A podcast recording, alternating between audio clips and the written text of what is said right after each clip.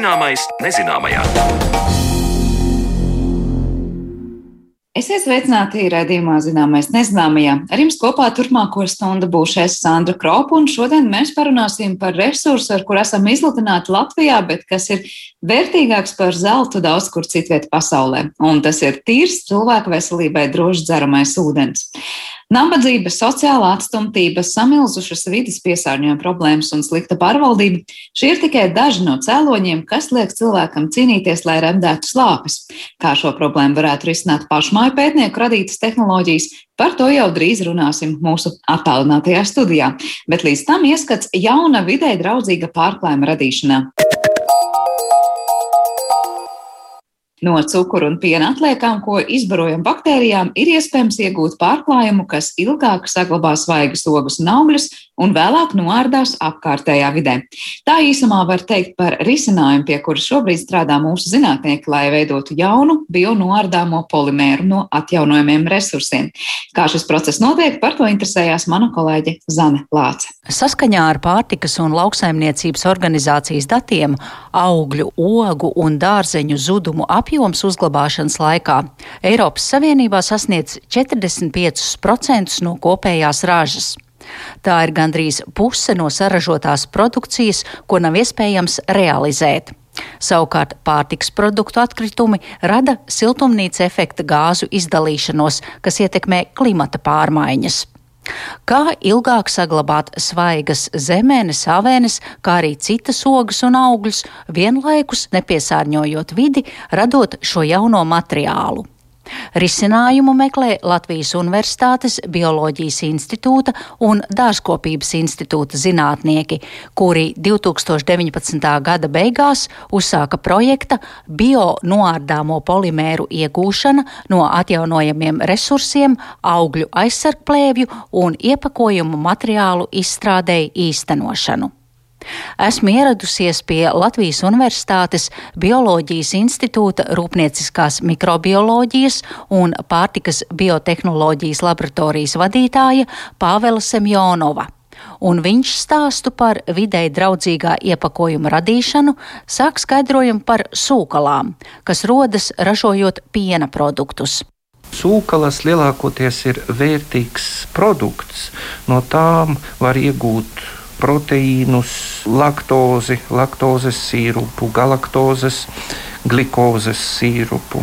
Visas šīs ir vērtīgas izēvielas, bet neskatoties uz visām šīm iespējām, pasaulē milzīgs sūkalu daudzums paliek nepārstrādāts un nonāk vidē, šo vidi piesārņojot. Kā var sūklas piesārņot vidi? Man uzreiz ir jautājums. Sūklas satur daudz ugļhidrātu, daudz slāpekļa, daudz proteīnu. Pat ja tas proteīns bija iepriekš atdalīts, vienalga pāri paliek diezgan daudz. Un šīs vielas nonākot vidē, ūdeņos, Vidi pamatīgi piesārņo, veicina ūdens eitrifikāciju, proti, Aļģes aug. Ja? Jā, mhm. aļģes aug un uh, pakāpeniski tā dabiskā vidē, upēs un ezeros degradējas.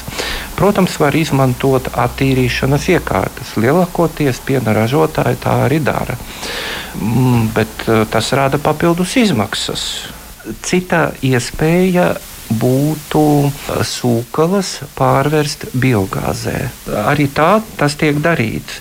Bet, uh, Sūklas ir liela apjoma blakus produkts, līdz ar to transporta izmaksas uh, rada pamatīgu slogu ražotājam.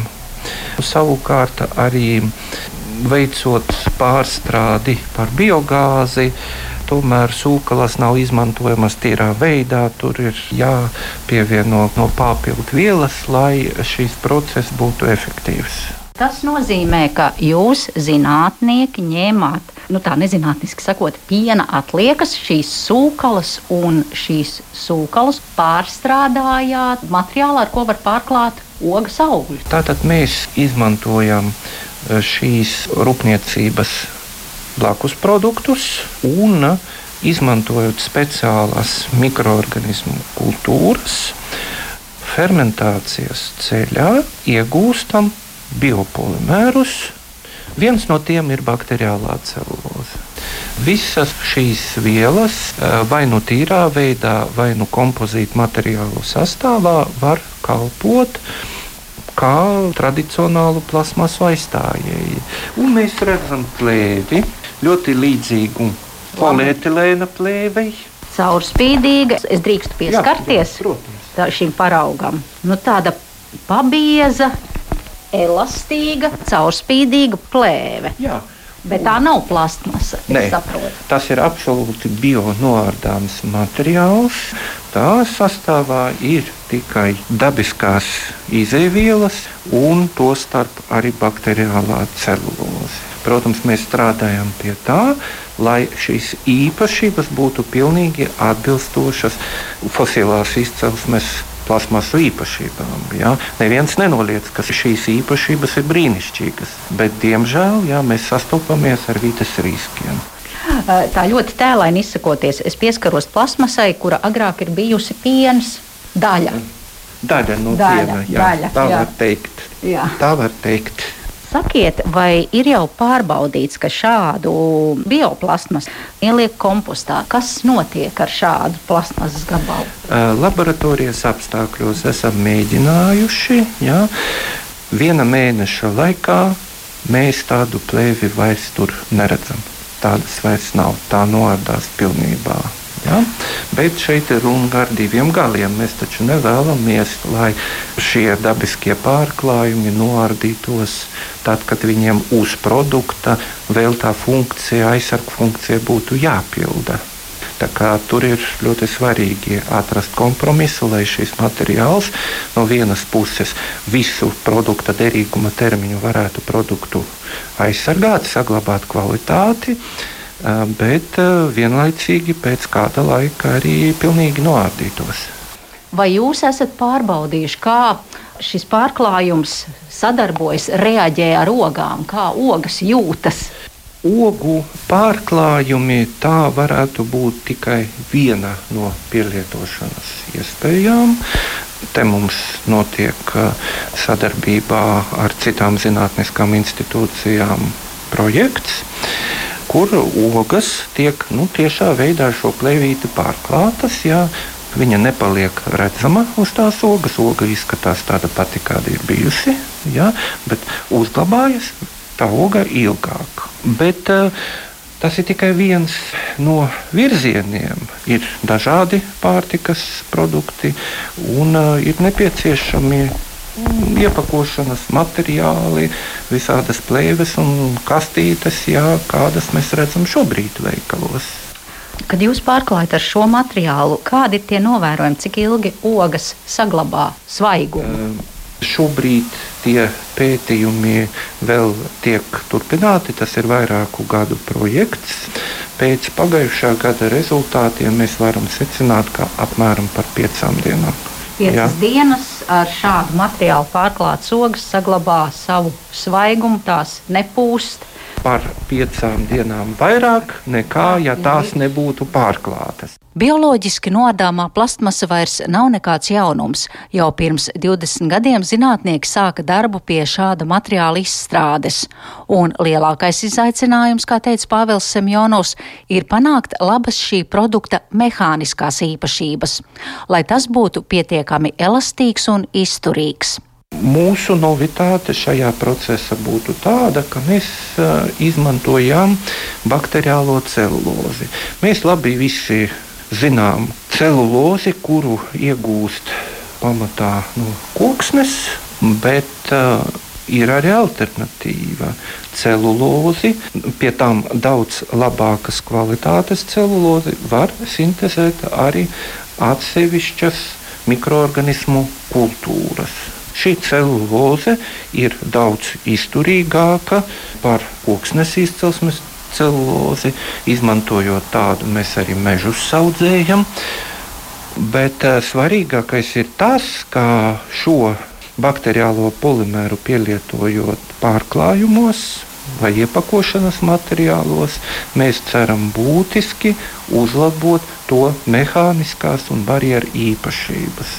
Šādu bakteriālo celulozi var lietot ne tikai pārtikas produktu uzglabāšanai, bet arī medicīnā, elektronikā un vēl daudzās citās nozarēs. Projekts turpināsies līdz nākamā gada beigām, un tad jau varēs runāt konkrētāk par tā lietošanu un ieviešanu ražošanā, un lūkot, kā uzvedas materiāls, kas ir gatavots no pārtikas ražošanas blakus produktiem un pilnībā noārdās, nonākot apkārtējā vidē. Par bionoārdāmo polimēru gatavošanu un tā īpašībām stāstīja Latvijas Universitātes Bioloģijas institūta Rūpnieciskās mikrobioloģijas un pārtiks biotehnoloģijas laboratorijas vadītājs Pāvils Semjonovs, un ar viņu sazinājās mana kolēģe Zane Lāce. Bet redzījuma turpinājumā mēs lūkosimies uz to, kā pašmāju zinātnieki var palīdzēt risināt dzeramā ūdens problēmas tālu no Latvijas robežām.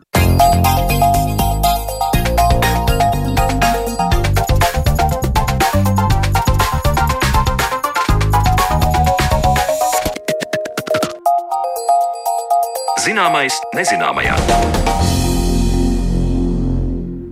Divi miljardi pasaules iedzīvotāji ikdienas riskē ar savu veselību, dzerot cilvēku veselībai nepiemērotu ūdeni.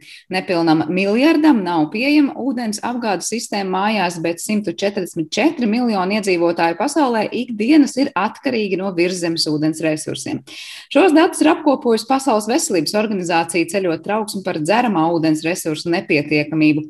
Kā risināt šo situāciju, te savus spēkus apkopo gan inženieri, un tostarp arī Latvijā Un par kādu konkrētu tehnoloģiju šodien sīkāk arī mēs runāsim ar mūsu attālinātās studijas viesņām. Pie mums šodien ciemos ir Rīgas Tehniskās Universitātes ūdens pētniecības un vidas biotehnoloģija laboratorijas asociētā profesora Linda Mežula, kā arī Pasaules dabas fonda Latvijā Baltijas jūras un saldūdens programmas vadītāja Magda Jengen. Labdien jums abām! Labdien! Labdien. Nu, vai varētu teikt iesākumā par to, ka šajā konkrētajā pusstundā mēs no vienas puses, protams, runāsim, ar ko darbojas zinātnieki Latvijā un kā tas var palīdzēt risināt pasaules problēmas, bet tomēr mēs esam tādā labā situācijā un vairāk domājam, kā par dzeramā ūdens kvalitāti un pietiekamību vispār runāt. Nu, tā kā, kā pasaules problēmas kontekstā, kas mums lokāli varbūt nav tik ļoti jūtama un esam, var teikt, nu, tādā vēl labā vietā, vai patiesībā tas mums ir aktuāli arī Latvijā? Sākšu varbūt ar Magdu. Nu, cik lielā mērā dzeramā ūdens pieejamība un kvalitāte ir aktuāla problēma Latvijā, vai tomēr mēs no tādas malas vairāk raugāmies uz šo problemātiku? Um, jā, es domāju, ka uh, Latvijā mēs esam bijuši diezgan labā situācijā līdz šim. Uh, protams, ja mēs skatāmies uz dzeramo ūdeni, Latvijā mums ir uh, daudz labāk nekā citu vietu, tieši kad krāna ūdens ir uh, drošs ceršanai, mums ir uh, tīrs ūdens pieejams. Bet um, uz ko mums vajadzētu skatīties, ja mēs runājam par dzeramo ūdeni, mēs īstenībā runājam par visu saldūdens uh, resursu, kas ir pieejams. Um, jo saldūdens ir svarīgs ne tikai mums, bet arī visam, visam kas ir uz šīs planētas. Un, um, Tā skaitā ne tikai mūsu labklājībai, priekšdzeršanas, bet vispār jebkādam uh, lauksaimniecībai, mūsu pārtikai ir ļoti svarīgs saldūdens. Tas ir svarīgs jebkurā ražošanas procesā. Tā kā um, es domāju, ir svarīgi arī skatīties uz šo ūdens resursu ne tikai kā dzeramo ūdeni, bet arī kā ūdeni, kā tādu priekš vispārējais, um, kur mums tas ir nepieciešams. Un, um, diemžēl Latvijā virsmas ūdeņa kvalitāte ir zem vidējās Eiropā. Um, tāpēc, uh, ja mēs pat līdz šim esam bijuši labā situācijā ar ūdens daudzumu, es domāju, ka pēdējos gados, kad mēs redzam, ka kļūst sausāks un sausāks, uh, kļūst arī mazāk ūdens, cilvēkiem apkastes uh, sāk pazust, un mēs sākam lēnām just šo ūdens trūkumu arī šeit. Protams, ne tik izteikti kā daudzās citās pasaules vietās, bet, bet uh, tā ir lieta, par ko mums arī vajadzētu domāt. Jā, paldies. Nu, tas nozīmē, ka mums ar, arvien aktuālāk būs e, šī mm, pētījumi un arī idejas, kā mēs varam taupīgāk izmantot jau esošos e, resursus un kā tos arī nepiesārņot. Linda, varbūt kāds skatījums uz to, tas ir vairāk arī darbojoties šajā jomā ar sajūtu, ka es tagad kaut ko palīdzēt citam reģionam, kam klājas grūtāk, vai tas ir par stāstu, stāst, kā jau Magda teica, patiesībā šeit pat Latvijā liekam lietā?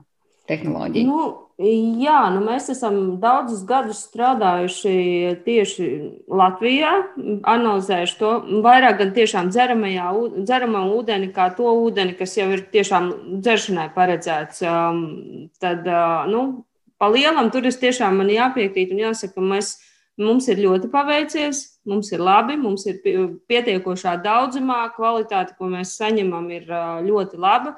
Protams, nerunājot par individuālām vietām, kaut kur, teiksim, kādos atsevišķos gadījumos. Um, un, uh, nu jā, tas ir tas viens pētījums, ko mēs esam daudzus gadus strādājuši, tad mēs sākām skatīties jau mazliet nu, tā, tā citā aspektā, kā varētu palīdzēt un to, tās zināšanas dot tiem citiem reģioniem. Un pāris gadus atpakaļ sākām strādāt ar Indiju, kur tā, tā ideja vairāk bija, nu, viņiem ir tā cita problēma, ka viņiem bieži vien pietrūkst, kvalitāte ir slikta. Un, tas bija tas viens virziens, un otrs, kur esam arī skatījušies, pavisam liekas, nu, pavisam savādāks, mm, ir Latvijas reģions, kur, kur viņiem līdzīgi kā mums ūdens apjoms ir pietiekošs. Daudzums ir liels, uh, Bet tā problemātika ir tā kvalitāte. Un, un tas parādījās tajā, ka teiksim, tur pat patiesībā mēs varam tās zināšanas vairāk iedot. Jo tur ir tas nu, nu, kaut kā līdzīgi. Mēs mazliet saprotam, ka tas ūdens tur ir, bet nu, tad attiecīgi dodot tās zināšanas par to, kā viņu pareizi attīrīt, kā nodrošināt šo kvalitāti. Mm, tas tāds mm, sapratām, ka varam sadarboties un varam iedot to, to mūsu pieredzi. Pirms es jautāju par to, kāda ir šī tehnoloģija un metode, ar ko attīrīt un cik dažādas tās var būt, ar ko pārsvarā ir tas piesārņojums. Tad, ja mēs runājam par Dienvidameriku vai Indiju, konkrētā gadījumā tas ir kaut kas pilnīgi atšķirīgs katrā reģionā, un, un kas ir tās lielākās grūtības, no kā tur tas ūdens ir jātīra. Nu, jā, ja mēs skatāmies teiksim, šo Indijas situāciju, tad tur var būt viss. Jā, tā, skaitā, tā skaitā arī šis, šis ķīmiskais piesārņojums un, un bioloģiskais un nu, dažādi. Ļoti grūti paredzēt un nu, patiesībā cīnīties arī ļoti sarežģīti. Latvijā Amerikā šajā situācijā arī, teiksim, protams, jāskatās ir reģioni. Kalnēnie reģioni, tūkstošainie reģioni, nu, tās ir vienas problēmas.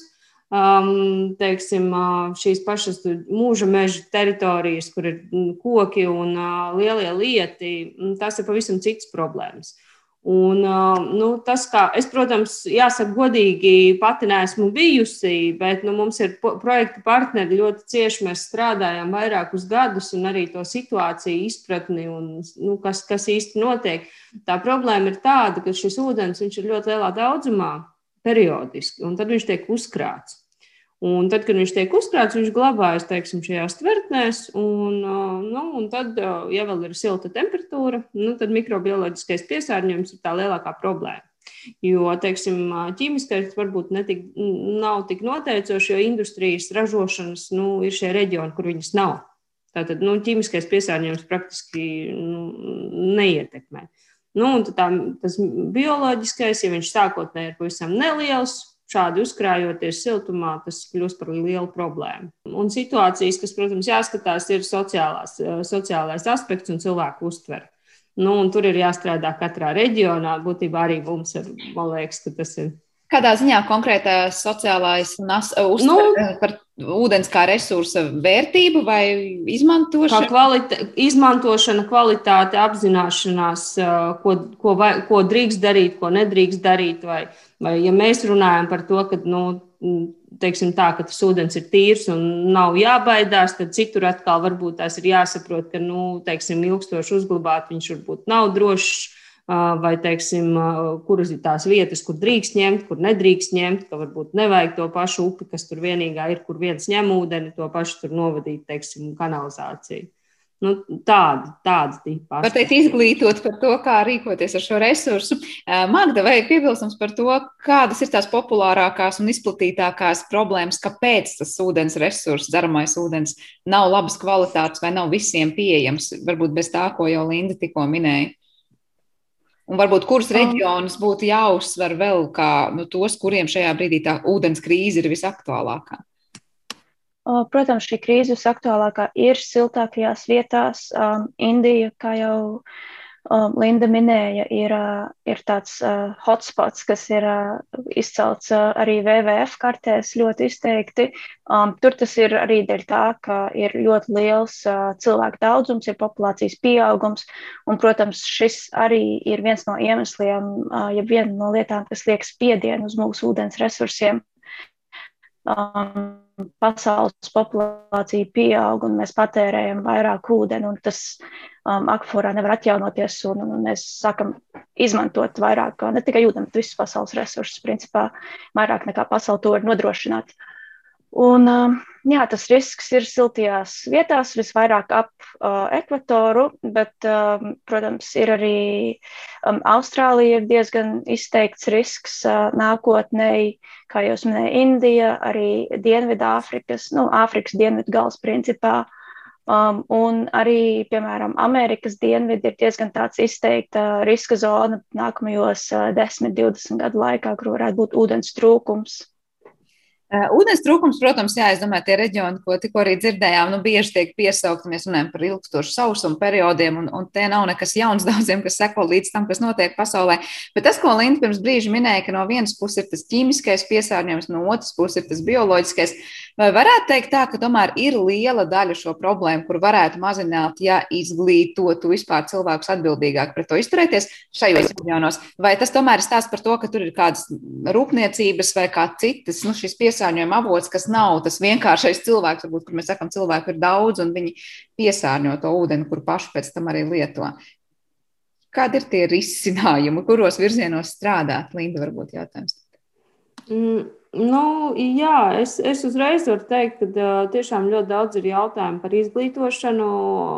Tas ļoti lielā mērā gan atvieglotu, gan risinātu teiksim, nu, tādas īstermiņa jautājumus samazinātu riskus, protams. Ja, ja mēs, teiksim, nu, jā, ir pašiem ir grūti saprast, bet, nu, teiksim, vai tiešām tur ņemt ceršanai to ūdeni, kur tur redz, ka tur pa vidu, pa virsu kaut kas peld, ja, un, un varbūt pat ja pat neņemt, bet nu, nodrošināt to, lai nekas tur tāds netiktu novadīts. Nu, tas, tas, tas jau viss to ietekmē. Uh, tad arī teiksim, tas, ko esam dzirdējuši, nu, protams, tās pašas tā, pat likuma, teiksim, tā, valstu vadību nu, teiksim, tā, aspektos skatoties, jā, kad, kad ir tomēr jāiegūt līdzekļi kritiskajā infrastruktūrā. Nu, vajag atjaunot teiksim, šīs, tas, ko mēs arī teiksim, ar tiem pašiem Latvijas Amerikas gadījumus skatījāmies. Nu, ir jau tā attīrīšana pilsētās bijusi, bet viņi nav 30 gadus atjaunota, nav ieguldīti līdzekļi. Nu, tehnoloģijas ir primitīvas. Ja to teiksim, uzlabotu, tad nu, kaut kādam reģionam tas ūdens būtu pieejams un būtu viss kārtībā. Mm, ja nedomā, nu tad. Tā kā te nav tikai stāsts par to, ka cilvēki varbūt neapzināti dzīvo, varbūt viņiem it kā viss būtu, viņi ir gatavi daudz ko darīt, bet viņiem ir novecojusi infrastruktūra, kas to ūdeni vairs nodrošināt nevar. Eh, jautājums, ko jūs Rīgas Tehniskajā universitātē darāt un esat izdarījuši, lai šiem reģioniem, var teikt, nu, tas ūdens būtu pieejamāks? Uh, nu, Jā, nu te es konkrēti teiksim tā, es, protams, man ir jāsaka, ka mums ir kolēģi, kas ļoti aktīvi strādā pie mums tieši, tieši mūsu reģionā. Mūsu gadījumā mums bija viens tāds sadarbības pasākums, kur universitāte no Ekvadoras, kas strādā vairāk ar šīm vietējām Amazonas mūžmeža komunām. Tātad tās ir nu, tādas atsevišķas no, no pilsētu vidas nošķirtas, nošķirtas komunas, kur nu, līdz 30 cilvēkiem dzīvo. Un viņiem tā situācija tāda, ka nu, viņiem nav to, to tīklu, viņiem nav tās infrastruktūras. Protams, daļa 30 cilvēkiem nu, nevar sagaidīt, ka viņas tiks arī izvilktas.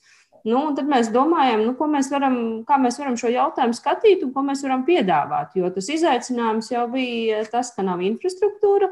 Elektrības pārāvuma arī bieži vien ir. Tas nozīmē, ka mēs nevaram uzlikt kaut kādas iekārtas, kas ir simtprocentīgi darbināmas uz elektrību visu laiku. Mm, tad vēl, protams, jautājums par cilvēku izglītošanu. Bieži vien tātad šie ir lauku šādu atsevišķu reģionu iedzīvotāji, kuri nemācēs darbināt kompleksas iekārtas. Mm, teiksim, nu, tādu, un, un liekot visus šos, šos aspektus kopā, skatījāmies, kas tad ir tajā mūsu mapītē, tai mūsu portfelītī, ko mēs esam gadu, gadu laikā strādājuši. Un, nu, un tā beigās saliekot kopā vēl ar vienu sadarbības partneri no Vācijas, nonācām pie tādiem vairākiem risinājumiem, ko mēs varētu šīm vietējām, vietējām lauku sabiedrībām teiksim, piedāvāt.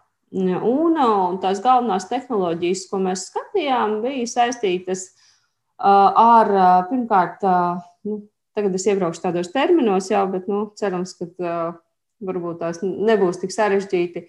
Pirmais ir fotokatalīze, tātad process, kad saules gaismas spīd saules gaisma. Mums ir speciāli teiksim, pārklātas šīs uh, virsmas, vai nu tā ir kaut kāda ūdens glabāšanas tvertne vai kāds rezervārs. Nu, tad viņš izdala šos pareizos radikālus un veic šo dezinfekciju. Tas ir viens. Uh, ko, ko, ko būtībā strādāja vairāk um, tieši projekta partneri. Tā doma, nu, ka tur nevajag nekādu ne elektrību, būtībā uzliek šādu tvertni un nu, viņa pati darbojas. Uh, tad vēl viens tāds variants, ko piedāvājam, ko mēs arī skatījām, bija membrānu sistēmas filtrēšana, kad, kad ūdens tiek filtrēts ar speciālām membrānām, kuras vienlaikus arī nodrošina to, ka viņas neapaug un viņas ilgāk var lietot. Nu, ar domu tādu, ka mums tur nevajag katru, katru nedēļu braukt un piegādāt jau jaunas, jaunas tehnoloģijas. Un mūsu pašu tas, tas, tas galvenais un lielākais darba, darba apjoms bija saistībā ar elektroķīmisko dezinfekciju. Tā ir tāda vienkārša, vienkārša metode, salīdzinoša, kur mēs varam šos aktīvo dezinfektantu ražot no ūdenī jau esošiem sāļiem. Tas nozīmē, ka, ja tur ir kādi sāļi, mēs varam uztaisīt aktīvo dezinfektantu, piemēram, chloru, un būtībā nodrošināt to, ka šis, šī sistēma un šis ūdens tiek dezinficēts. Tad izklausās mazliet tā, ka ūdens pats sevi dezinficē. Ja? Kaut kādā veidā. Pa lielam, pa lielam tā varētu teikt. Jā, jā. tas, kas viņā ir iekšā, mums nevajag neko pielikt klāt no malas. Bet kā tas ir? Nu, cik lielos tilpumos mēs tagad runājam? Tas ir kaut kas, ko jūs varat piedāvāt kā sistēmu, un tas tagad visai pilsētai vai ciemam piedāvās labu ūdeni, vai tas ir izņēmām no akas ūdeni, ielikām kaut kādā atsevišķā traukā, pievienojām tur tās visas nosauktās eh, lietas, un tas ūdens kaut kādos kubikmetros tur vienkārši attīrījās. Nu, kā saka, katram lietotājam individuāli savu risinājumu. Jā, nu šeit uzreiz ir jāsaka, ka tās nav tehnoloģijas attīrīšanas stacijām. Tas nozīmē, ka tās nav pilsētu tehnoloģijas. Pilsētu tehnoloģijas ir pilnīgi citi risinājumi. Nu, tur šeit ir vairāk runa par šiem līdz 30 cilvēkiem, un mēs runājam par dzeramo ūdeni. Mēs teiksim, mazgāties šajā gadījumā vai teiksim, šo sadzīves ūdeni visdrīzākais jau nu, nu nevajadzēs tā. Ja? Bet teiksim, to pašu elektroķīmisko dezinfekciju mēs Tas, ko mēs esam nonākuši izstrādājot speciāli sadarbībā ar kolēģiem no ķīmijas fakultātes, materiālu zinātniekiem, ka mēs varam diezgan liels apjoms sataisīt. Tātad, ja mēs viņu šādi laižam, šīs plūsmas tur var būt līdz pat 30, 40 litriem stundā. Viņš iziet un viņš ir. Un viņu pēc tam var uzglabāt. Nu, nu, teiksim, tādā ziņā lietot, kad vajadzīgs. Tad tur pēc tam vairs nebūs tās uzglabāšanas problēmas, ko sākumā minēja, ka tad, kad tas ūdens ir savākts, tad patiesībā tas paliek nelietojams uzglabāšanas dēļ, ja, vai uzglabāšanas laikā. Šādu uzglabājot, tur problēma nebūtu. Uh, Magda jautājums varbūt tev, cik lielā mērā šādas tehnoloģijas nu, pasaules kontekstā ir pieejamas daudziem reģioniem. Mēs runājam par to, ka tās ir izmaksas un patiesībā tas ir labs tehnoloģisks risinājums, bet dzīvē īsti neiedzīvināms šobrīd. Vai tā nav? Un mēs varam tiešām ar tādu pozitīvu skatu lūkoties tagad kaut kur Indijas virzienā un teikt, lūk, varbūt cilvēkiem ir reāls risinājums jau tuvākajā nākotnē. Es domāju, ka risinājumi ir. Um, un, un, un arī tas, uz ko Linda un viņas departaments tagad strādā, um, tie ir risinājumi, es domāju, kas, uh, kam vajadzētu būt pieejamiem um, tuvākajā nākotnē un visiem šiem uh, reģioniem, kuriem iet grūtāk, uh, ir, ir iespēja šos risinājumus ieviest. Linda, kā ir projektā darbojoties, tā sajūta, tas ir, kā saka, tā vienkārši sakot, pakabatai tiem cilvēkiem, kam tas tiks piedāvāts, vai mēs atkal atdursimies pret virkni sociālu kaut kādu šķēršļu vai politisku šķēršļu, ka varbūt Labi, tas varbūt ir cits reģions, man prātā nāk Āfrikas valstis, kur mēs bieži sakām, korupcijas līmenis ir ļoti, ļoti augsts, un patiesībā tie cilvēki, kas dzīvo tālākos ciematos, nu, ļoti bieži neredz to tehnoloģiju ieviešanu savās ikdienās, lai gan varbūt tā ir valstiski piedāvāta kādam. Mm, nu, jā, protams, simtprocentīgi tas nav. Nu, nevarēšu, nevarēšu uz šo atbildēt, jo tā ir diezgan liela, liela problēma.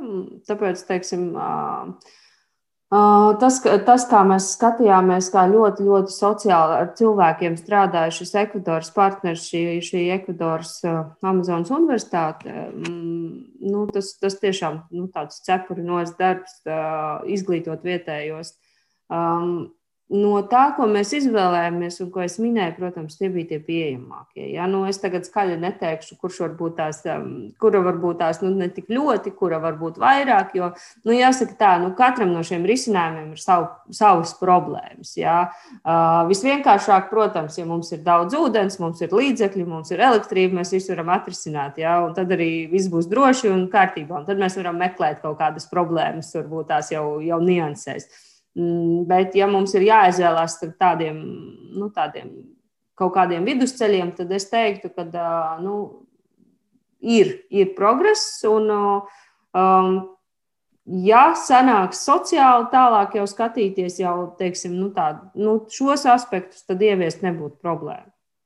Mm, tīri, tīri, tīri tikai, nu, kā, kā, kāda ir tā situācija tajos reģionos. Nu.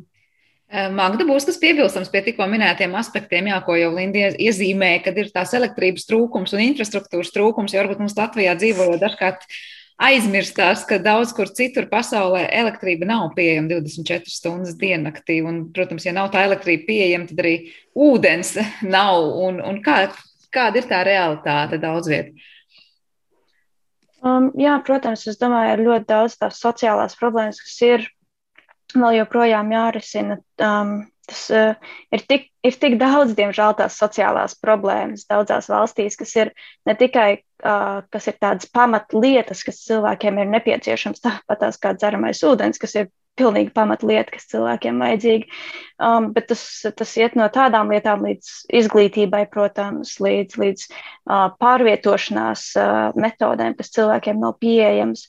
Un uh, tas, tās ir, diemžēl, sociāla līmeņa problēmas, kas ir jārisina ļoti daudzās valstīs. Un, un tās Jā. visas, diemžēl, iet kopā, lai varētu, lai varētu ieviest šos te uh, risinājumus, piemēram, priekš ūdens, dzeramā ūdens trūkuma. Nu, šis tāds uzskatāms piemērs, bet laikam tas ir spēkā par ļoti daudzām vidas un ne tikai vidas problēmām runājot, ka mums tehnoloģija pat varbūt ilgi gaidītā kaut kur ir un ir pat varbūt izstrādāta un liekas, lūdzu, ņemiet un lietojiet, bet reāli tā sociālā problemātika ir tā, kas varbūt to nepadara tik ātru. Bet, uh, Linda, man jautājums, vai kaut kas idejiski līdzīgs šajās sistēmās ir, piemēram, nu, varbūt daudz klausītāji būs pamanījuši šādas portatīvās ūdens attīrīšanas iespējas eh, turistiem vai, vai, vai ceļotājiem, ko piedāvā piedāvā, var teikt, nu, tādā tiešām ļoti kompaktā veidā, uz noteiktu litru skaitu cilvēks var attīrīt, es saprotu, kaut vai paņemot no upes ūdeni un padarīt to par dzeramu, kas izklausās ļoti, ļoti traki un varbūt pārdroši, un tomēr šādas sistēmas tiek tirgū piedāvātas, vai savā būtībā tās darbojas uz kaut ko ļoti, ļoti līdzīgu, jo tur noteikti nu, pie elektrības nekas īpaši nav, man liekas, jāpieslēdz. Mm, jā, noteikti. Tas, tas ir viens no tiem atspērienu punktiem. Tas, ko es gan teiktu, kas ir svarīgi, svarīgi ņemt vērā, ir tas, ka nu, mums ir jāzina, kuru, kādu ūdeni mēs šādi attīrām. Ja? Nu, tas, teiksim, šajās reklāmās bieži vien jā, mēs ieliekam tableti un tūlīt būs viss kārtībā, viņš būs cerams. Mm, vienmēr ir jābūt uzmanīgam, skatoties tieši šo iedalījumu, ko mēs gribam. Ja mēs gribam ķīmiski attīrīt, vai mēs gribam bioloģiski attīrīt. Jo nu, tas, tas diezgan nosaka, jo citreiz, citreiz nepareizi lietojot šīs tehnoloģijas vai šos risinājumus, mēs varam lielāku kaitējumu uztaisīt nekā bija sākumā. Tas arī ļoti, ļoti nopietni jāņem vērā. Un, un tieši, tieši tāpēc teiksim, mēs, mēs ļoti skatījāmies to Nu, kā jau sākotnēji arī tur minēju, ja, ūdens ir daudz, bet nav ķīmiskais piesārņojums. Tie ir tie atslēgas vārdi. Ja būtu ķīmiskais piesārņojums, piemēram, rūpniecība, mēs noteikti runātu par citām tehnoloģijām. Mēs noteikti runātu par citiem risinājumiem, jo tad jau ir citi riski klāt. Un, nu, lai nebūtu tā, ka mēs uztaisām kaut ko vēl sliktāku. Un, tāpēc ar šīm mazajām visām lietiņām parasti ļoti, ļoti jābūt uzmanīgiem. Bet, ja mēs tā, tā globāli tos principus skatāmies, tad viņi ir ļoti līdzīgi. Jā.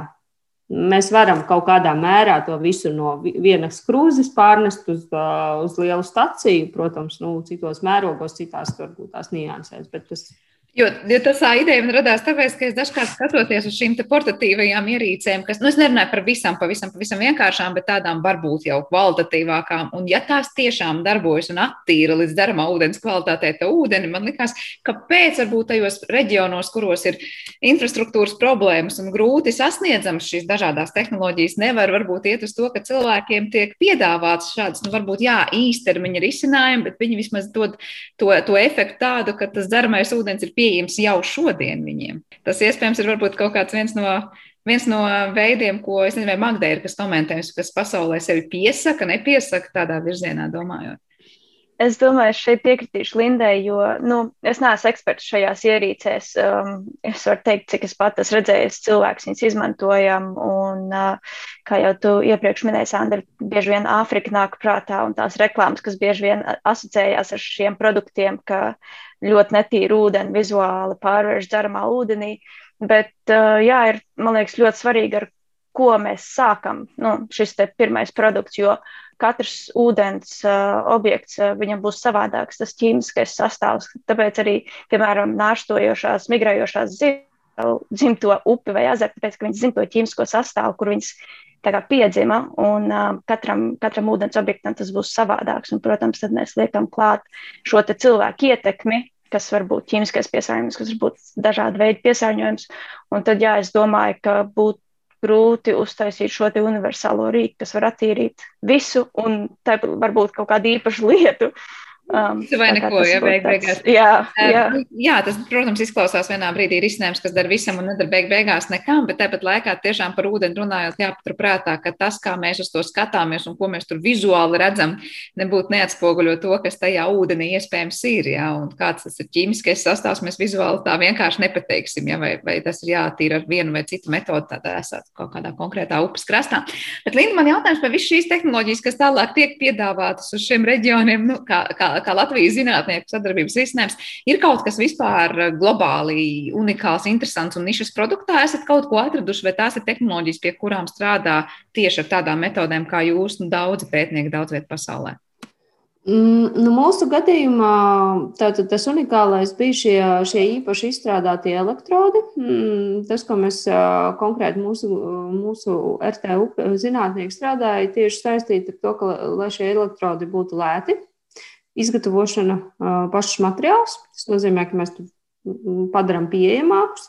Tāpat tās, lai šiem, šiem elektrodiem būtu ilgs mušs, jo tā ir viena no problēmām, ka viņi diezgan ātri beidz savu pastāvēšanu, un tad ir jāmaina. Tas savā ziņā tāds, tāds unikālais risinājums. Tas, tā mazā odziņa, teiksim tā. Ja? Un pats arī tas princips, ka tas, ko mēs izstrādājam pie šīs iekārtas, ir, ka mums nav nepieciešams tātad, lietot šajās, ievietojot un visu laiku šo ūdeni cirkulēt apkārt, bet mēs izlaižam vienā plūsmā. Tas nozīmē, ka vien, viens trauks, kur viņš bija, mēs viņu pārstūpnējam uz otru trauku, un viņš ir gatavs. Ne, šī sagatavošana ir ļoti, ļoti ātra. Tādējādi teiksim, šis apjoms varētu būt lielāks. Tas ir, tas ir viens. Protams, protams, skatoties tās pašas šīs īpaši pārklātās membrānas, ir šie, šīs mazās odziņas. Ja? Bet kopumā globāli, protams, nu, tā, ja tas būtu kaut kas ļoti, ļoti unikāls, tad, tad līdz tam praktiskam demonstrācijam mēs, mēs nekad neaizietu. Nu, mēs nepaspētu teiksim, kaut kādā saprātīgā termiņā, jo tas parasti aizņem ļoti, ļoti daudz gadus. Un, un tāpēc nu, jā, būsim, būsim tā, tādā ziņā. Ja mēs gribam piedāvāt, tad mums ir jāskatās, ko mēs varam uzlabot. Mm, varbūt ņemt, kur kāds jau ir kaut ko jau uztaisījis, vai paši strādājuši gadiem. Jā, ja sāksim pavisam no nulles, tad tam prasīs ļoti ilgu laiku. Kad šis viss varētu reāli darboties praksē jau šajās teritorijās? Nevis kā varbūt izmēģinājums, bet kā, kā tas, ko lieto daudzi turienes iedzīvotāji. Mm, jā, nu te, te ir atkal, atkal tā, tā situācija. Pirmkārt, jau diemžēl mums nesanāca šīs demonstrācijas dzīvē veikt, jo mums bija paredzēts pagājušajā gadā, tad pārcēlām uz šo gadu, ka mēs reāli dzīvē demonstrēsim šiem vietējiem iedzīvotājiem, nu, kā tas viss strādā. Diemžēl nesanāca. Un tagad tas nākamais solis, ko mēs arī esam ar visiem partneriem runājuši, ka mēs turpinām būtībā un meklējam iespējas. Un, diemžēl jāsaka, atkal meklējam finansējumu, lai turpinātu šo, šo konkrēto pētījumu, šo konkrēto sadarbību. Jo nu, tā liekas vienkārši, ka jā, pētām, izstrādājam, izstrādājam, bet, diemžēl, mēs esam atbildi, at, atkarīgi no tā, kāds ir šis finansējums, lai mēs varētu nodrošināt šos tālākos pētījumus. Nu, un tad šobrīd ir tā, ka sanācis, kad uh, esam nonākuši tajā stadijā, ka nu, tagad mēs meklējam, kā mēs varam turpināt mūsu pētījumus. Tad šobrīd dzīvē.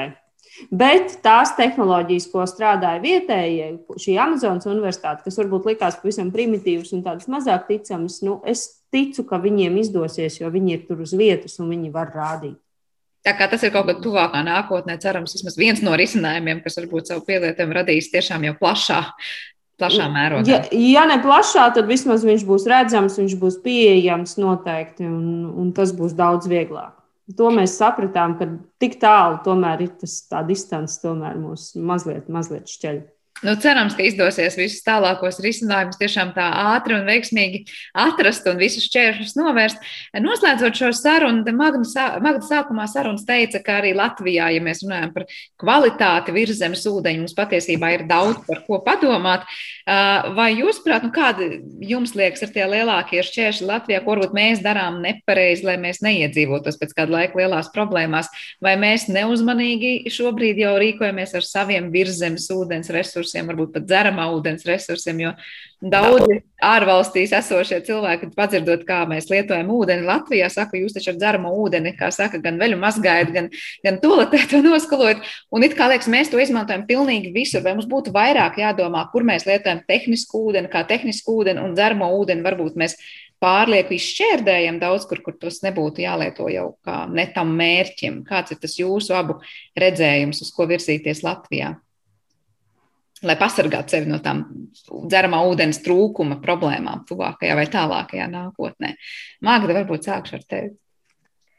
Es domāju, ka tas ir ļoti komplekss jautājums ar kompleksu risinājumu, jo, kā jau minēju, mēs šo ūdeni izmantojam viskaur kur, tiešām ļoti lielu daļu arī lauksaimniecībā. Un, uh, mums vajadzētu domāt, kā mēs to izmantojam visās šajās uh, nozarēs. Jā, vai mēs varbūt ieguldam daudz resursus, lai attīrītu šo ūdeni, kur to varbūt nevajag tik ļoti attīrīt. Um, tā varbūt ir viena lieta, bet es domāju par patēriņu kā tādu kopumā. Mums, mums ir jāpievērš tam uzmanība, lai mēs, uh, protams, nešķērdējam ūdeni. Un uh, par kvalitāti, jā, tas, uh, diemžēl es atkal atnākšu atpakaļ pie lauksaimniecības, bet mūsu ūdeņos ir liels slāpekļu un fosforu daudzums, kas, kas tieši nāk no lauksaimniecības bieži, un mums vēl ir pievienotā problēma, kas ir pārrobežu piesārņojums arī, kas nāk pa upēm no mūsu kaimiņu valstīm, diemžēl. Uh, um, kas arī Latvijā ir diezgan izteikta problēma. Tāpēc es saku, ka tur ir nepieciešams komplekss risinājums, jo nav viena problēma un, un, un nav viena um, atbilde uz visām šīm lietām, diemžēl. Paldies, Jā, Linda, varbūt piebilstams par to, kā labāk Latvijā apsaimniekot mūsu dzeramā ūdens resursus un kur varbūt darām kaut ko nepareizi. Jā, šeit, šeit jāpiekrīt tiešām Magdai, skatoties par to, kas, kas ir tas, ko mēs tur novedam iekšā, jā, ko mēs, ko mēs, kādu piesārņojumu mēs paši tur salaižam. Jā. Nu, tas ir tas, kas. Es, es personīgi nu, es nevaru šobrīd komentēt par to šo trūkumu. Jā, jo, nu, pie, pie mums es nekad neesmu izjutusi, kad, kad trūkst. Nu, varbūt to retu reizi, kad mājās atslēdz ūdeni uz kaut kādu dienu, un tad tu esi stresā. Uh, Bet, bet tas, teiksim, skatoties, kādas teiksim, ir šīs vielas, ko varbūt tās mēs tā nepakontrolējam, ko mēs novadam. Kaut vai tie paši arī nu, sadzīves notekūdeņos, mēs cik daudz sagāžam dažādu ķīmiju iekšā, nu, tas jau viss iziet caur attīrīšanas staciju un beigās nonāk šajos virzemes ūdeņos. Ja? Nu, šis cikls. Ja? Un tas, kas pēdējos gados parādās par šīm vielām, kuras būtībā nu, nesadalās. Ja, ja par to pašu fekālo piesārņojumu nu, Nu, viņš kādā laikā kaut kur viņš, nu, nu, vēl mēs varam runāt, ka viņš izlīdzināsies, tā nav problēma. Bet, ja ir šīs ķīmiskās vielas, kas nāk un visas viņas iziet caur attīrīšanu, viņas nonāk dabā, viņas tur akumulējās, jā, nu, mēs beigās viņas paši arī dabūnam atpakaļ. Jā, tā kā viss ir stāsts arī par koncentrācijām. Līdz kaut kādam noteiktam brīdim mēs tās varbūt nejūtam, un daba pati tiek mm. galā, bet vienā brīdī varbūt būs jau par daudz. Nu, ko teikšu jums abām lielu paldies par šo sarunu. Palīdzējāt ielūkoties gan par lokālām, gan globālām perspektīvām, runājot, kā tad mums klājas ar dzeramo ūdeni un tā kvalitāti. Daudziet pasaulē dzirdējām Rīgas Tehniskās Universitātes ūdens pētniecības un vidas biotehnoloģiju laboratorijas asociēto profesoru Lindu Mežulu, kā arī Pasaules dabas fonda Latvijā, Baltijas jūras un saldūdens programmu programmas vadītāju Magdu Jengenu. Ar to arī šīs raidījums ir izskanējis, un par to parūpējās producenta Paula Gulbinska. Mūzikas redaktors šajā stundē bija Girds Bišs, savukārt es ar jums Sandru Kropu tikšos atkal rīt, lai mums visiem jauka diena. Visu labu!